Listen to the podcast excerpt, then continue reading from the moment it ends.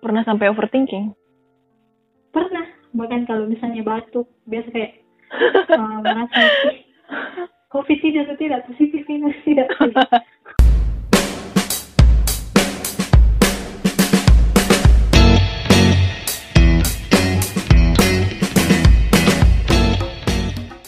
Shalom, selamat pagi, siang, sore, atau malam sekalipun. Semangat pagi. Mau pagi, siang, sore, atau bahkan malam, tapi semangat kita tuh harus tetap on fire. Seperti di pagi hari tentunya. Iya. Jadi ini adalah podcast pertama dari PPGT Jemaat Dadi. Kenapa sih kita membuat podcast ini? Jadi kita membuat podcast ini tuh karena meskipun pandemi yang ada saat ini tidak membuat kita untuk berhenti membaca firman Tuhan dan merenungkannya. Dan juga melalui podcast ini kita bisa mendengarkan sharing-sharing tentang firman Tuhan. Ada Resti di sini. Ada Delvin di sini. Iya, mari kita mulai saja. Ngomong-ngomong soal pandemi ya. Delvin, kamu sudah baca berita hari ini belum? Sebenarnya saya tidak mencari tahu tentang informasi itu, tapi secara tidak sengaja, apalagi kita menggunakan media sosial, pasti tentunya akan muncul di beranda. Iya ya. Seperti kita lihat. Jadi ya memang hari-hari ini tuh media sosial di mana-mana tuh pasti membahas tentang COVID-19 atau corona. Dan itu dibahas tidak berhenti secara kontinu pasti setiap hari diperbaharui beritanya. Dan setiap hari mungkin juga kita mau membaca berita itu sengaja atau tidak sengaja itu sudah jadi konsumsi kita ya. Jadi banyak sekali uh, informasi yang kita peroleh yang memang sudah membanjiri sosial media kita sih sebenarnya. Iya, contohnya misalnya saat buka aplikasi Instagram, pasti Mm -mm. kita akan menemukan informasi tentang COVID-19. Iya benar-benar. By the way, di Twitter sendiri tuh ya, dia tuh seperti menyediakan ruang khusus di bagian pencahariannya. Jadi di sudut sebelah kiri kalau nggak salah tuh selalu ada uh, informasi tentang COVID-19, informasi Hmm. terbaru. Mm-mm. Seperti yang kita ketahui, COVID-19 atau virus corona awalnya ditemukan di Wuhan, Cina pada akhir tahun 2019 dan awalnya ditemukan pada hewan, kemudian menjangkit manusia. Ya, tapi kalau dipikir-pikir ya, Delvin, kok bisa ya dari Cina, dari Wuhan, bisa melebar ke seluruh dunia? Hmm, mungkin orang yang dari Wuhan secara tidak sadar kalau dia terjangkit, kemudian mereka bertemu dengan banyak orang, mereka berpergian ke sana atau ke mana begitu, dan tak sadar menularkan virus ini. Hmm, iya, karena dengar-dengar juga katanya terus ini ada yang eh, punya gejala atau bahkan tidak ada gejalanya. Mungkin ini juga ya jadi alasan pemerintah kita kenapa sekarang memperlakukan PSBB. Iya. Padahal waktu awal-awal virus ini terdeteksi di Wuhan, kita masih santai-santai, masih tenang. Bahkan saya ingat sekali dulu tuh orang-orang sempat buat eh, meme, ya sempat buat ini bercanda. Ah orang Indonesia tuh kebel kok. Inilah itulah. Iya. Masih dibuat bercandaan waktu itu. Iya, sampai akhirnya virus ini terasa semakin nyata dan semakin dekat di lingkungan Mm-mm. kita, bahkan sampai di kota kita. Mungkin semenjak itu kita menjadi khawatir. Eh tapi ya banyak mungkin Devin juga pernah lihat banyak yang bilang kalau sebenarnya COVID-19 ini sudah dirancangkan. Kalau ini tuh adalah konspirasi kaum elit dunia yang Hmm, mau menguasai perekonomian dunia. Mau bagaimanapun ya ini sudah terpampang nyata ada di depannya kita sih. Eh ngomong-ngomong soal COVID-19 ya. Kamu pernah nggak sih Delvin merasa takut gitu atau khawatir gara-gara uh wabah ini? Pernah, pernah pasti.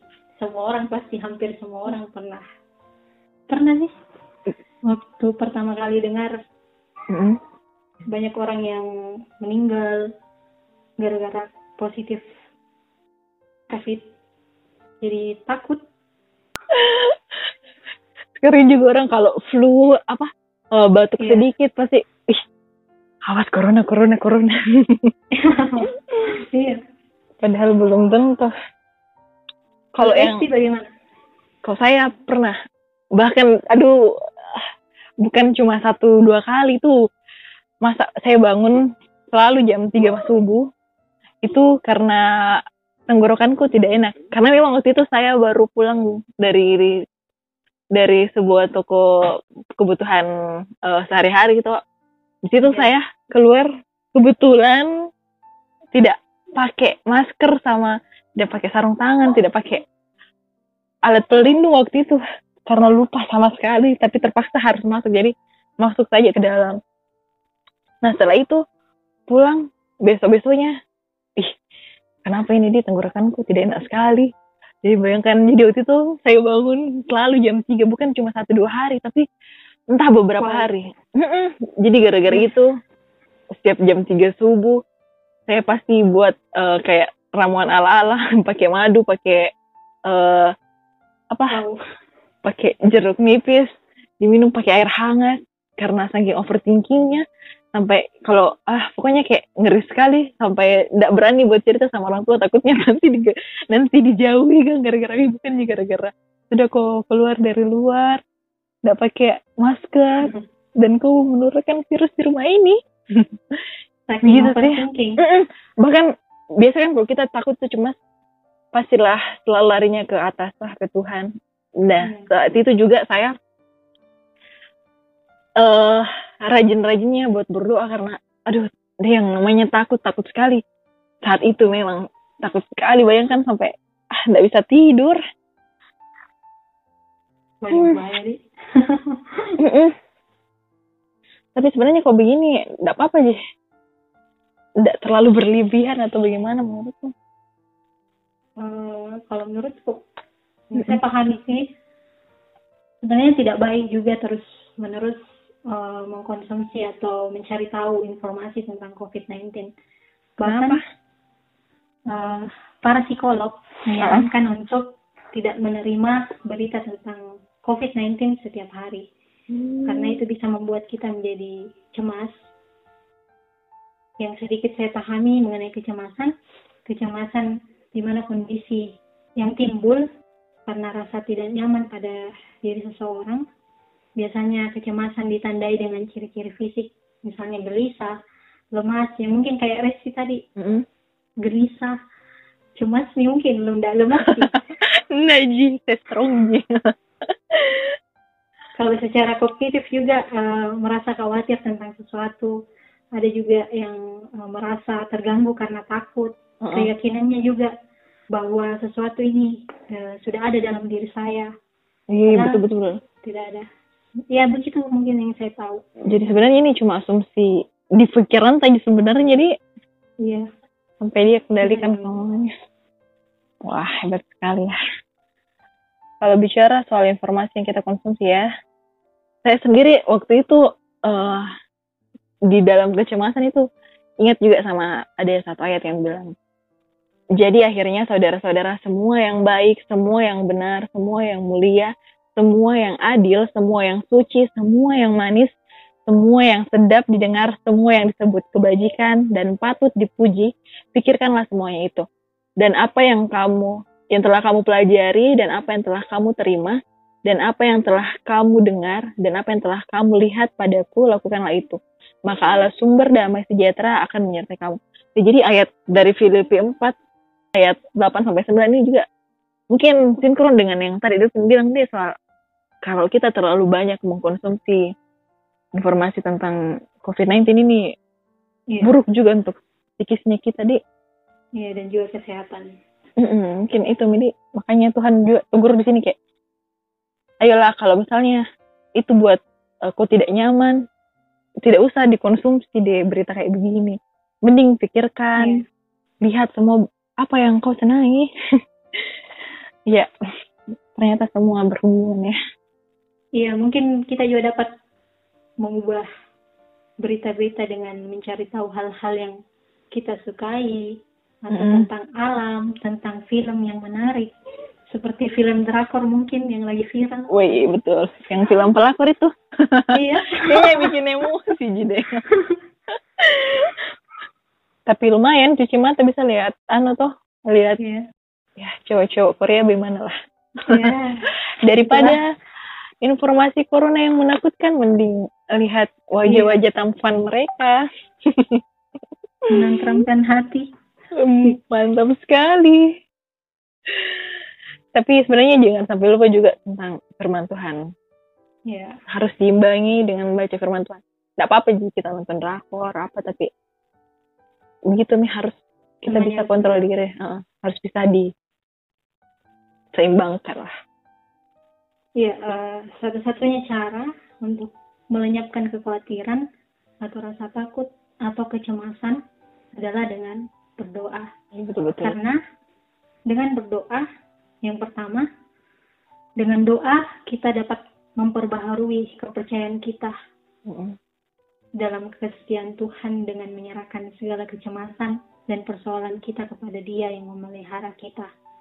Bisa kita lihat pada Matius pasal 6 ayat 25 sampai 3 dan 1 Petrus pasal 5 ayat 7. Iya sih betul juga. Karena ini kan juga dua kayak kita berbicara sama Tuhan, bersyukur tuh dengan Tuhan. Jadi otomatis itu damai sejahtera Tuhan akan selalu Iya. eh, ada di pikiran kita, selalu mengawali hatinya kita. Jadi itu semua kekhawatiran tentang corona-corona ini lenyap gara-gara kita sudah berdoa juga. Iya. Karena dengan doa Allah menguatkan kita untuk melakukan segala perkara yang Ia inginkan dari kita. Terus juga eh, biasa kalau setelah kita berdoa itu otomatis terasanya damai, kayak tenang. Ternyata karena kita di situ sudah terima rahmat, terima kasih karunia dan pertolongan dari Tuhan di waktu yang memang saat kita butuhkan sekali. Dan poin yang penting juga karena doa kita juga yakin bahwa Allah turut bekerja di dalam segala sesuatu untuk kebaikan kita. Ya betul betul. Wow, the power of doa. Betul sekali. Mm-mm. Ya tapi ya kalau dipikir-pikir ternyata karena adanya pandemi saat ini tuh tanpa kita sadari ya banyak juga loh hal yang positif yang sebenarnya terjadi. Contohnya ya misalnya nih eh, di kota metropolitan sendiri mungkin setiap hari-hari setiap harinya tuh mereka bakal buat yang namanya polusi udara. Tapi sekarang karena orang disuruh untuk stay di rumah saja akhirnya udara menjadi sedikit lebih bersih. Dan dulunya matahari mungkin tertutup sama kabut-kabut karena banyak sekali polusi. Sekarang bisa bersinar lebih terang lagi. Ya karena seperti yang kita tahu tuh eh, kurang sekarang kendaraan yang keluar rumah jadi kurang juga polusi yang dihasilkan. Iya, betul. Ya tentunya ada juga yang berubah dari pola hidup kita. Mungkin kita yang dulunya sering mengabaikan kebersihan, saat sekarang ini secara sadar wih, untuk membersihkan. Ada juga misalnya mungkin kehidupan kita dulu sibuk dengan urusan masing-masing. Misalnya Iya. orang tua sibuk dengan kerjaan di luar, anak-anak sibuk dengan urusan masing-masing. Tentunya sekarang kita bisa punya waktu untuk bersama keluarga, ibadah bersama, Mm-mm. saat teduh bersama dan lain-lainnya. Karena mau ndak mau ya sama-sama kita terjebak di rumah Iya. Betul. atau mungkin juga eh, selama ini terlalu sibuk ya kejar ambisi untuk eh, menggapai impian tak sampai akhirnya kita lupa kesehatan begadang terus lembur apa segala macam Iya, betul. kerja tugas kejar deadline Widih. sekarang itu eh, kita punya waktu lebih banyak untuk santai-santai istirahat banyak waktu untuk belajar hal baru Iya. Dan hal-hal yang menyenangkan, Mm-mm. kita saling membantu, saling peduli. Banyak sekali yang kita bisa temukan di organisasi khususnya juga buat PPGT yang baru-baru ini Mm-mm. melakukan aksi pembagian sembako untuk teman-teman yang membutuhkan. senang Iya. sekali bisa lihat kayak orang yang bisa membantu bantu orang-orang yang memang butuh sekali dan terkena ini dampak. Jadi kayak deh kayak ada kepuasan sendiri dalam hati lihat Iya. orang saling peduli. Jadi jadi memang sekarang dunia selalu mau tidak mau selalu mereka menawarkan berita dan beragam kejadian buruk setiap harinya. Tapi rasa takut cemas itu semuanya manusiawi terutama di masa-masa yang berat seperti yang kita hadapi saat ini Iya, betul. Namun eh, bukan berarti kita perlu takut dan cemas berlarut-larut. Kita bisa mengatasi dengan berdoa dan mengingat semua kebaikan Tuhan dalam hidup kita. Belajar merenungkan apa yang Tuhan inginkan buat hidup kita. Dan seraya tetap waspada. dan kalau Tuhan sudah turun tangan kayak begini tuh pasti hasilnya luar biasa yakin dan percaya setelah kejadian ini pasti ada sesuatu yang indah yang Tuhan sudah rencanakan Ya, bisa kita lihat di Filipi pasal 4 ayat 6 berkata, Janganlah hendaknya kamu khawatir tentang apa pun juga, tetapi nyatakanlah dalam segala hal keinginanmu kepada Allah dalam doa dan permohonan dengan ucapan syukur. Kiranya damai sejahteranya yang sempurna memenuhi kita sekalian. ya wow lumayan ya kita bisa sharing-sharing. Mungkin ada yang di rumah. Kayak sekarang masih takut sekali. Ya jadi mungkin bisa terobati takutnya. Oh iya dan eh sebenarnya saya lupa tarik share kita. Kalau ada sesuatu eh, titik balik juga yang buat kak semangat lagi ketika cemas. Apa itu? jadi waktu itu secara tidak sengaja kan saya sudah browsing-browsing kok. Aduh, seperti apa ini di eh, gejala-gejala corona sampai sebegitunya terlalu banyak lu browsing kembali tentang "Ini seperti apa eh, gejalanya, saya alami ini atau tidak. Sampai saya dapat satu artikel yang dia bilang eh 80% orang yang terjangkit corona yang positif bisa sembuh dengan sendiri bisa sembuh dengan sendirinya itu tanpa perlu penanganan khusus. Wow. Iya, ta- ternyata begitu kenapa bisa sembuh karena imunnya itu orang memang kuat dan kalau Iya. kita mau imun kuat harus juga semangat dong harus kayak rajin makan jangan malas-malas makan minum vitamin Iya, iya, betul. mm, teman-teman mungkin yang masih takut aduh balas sisa ini bukan si corona ini ya mungkin perbanyak ah itu melakukan hal-hal yang lain yang menyenangkan Iya, yang positif. Mm-mm, betul sekali. Dan ini kita sudah sampai di penghujung sepertinya nih Delvin. Iya. Dan Rabu depan akan ada lagi podcast terbaru dari PPGT Jemaat Dadi. Jadi jangan sampai ketinggalan ya. Stay safe, stay health, dan tetap di rumah aja. Tuhan, Yesus, memberkati. memberkati. Ya. Shalom dan selamat malam. Sampai jumpa. Dadah.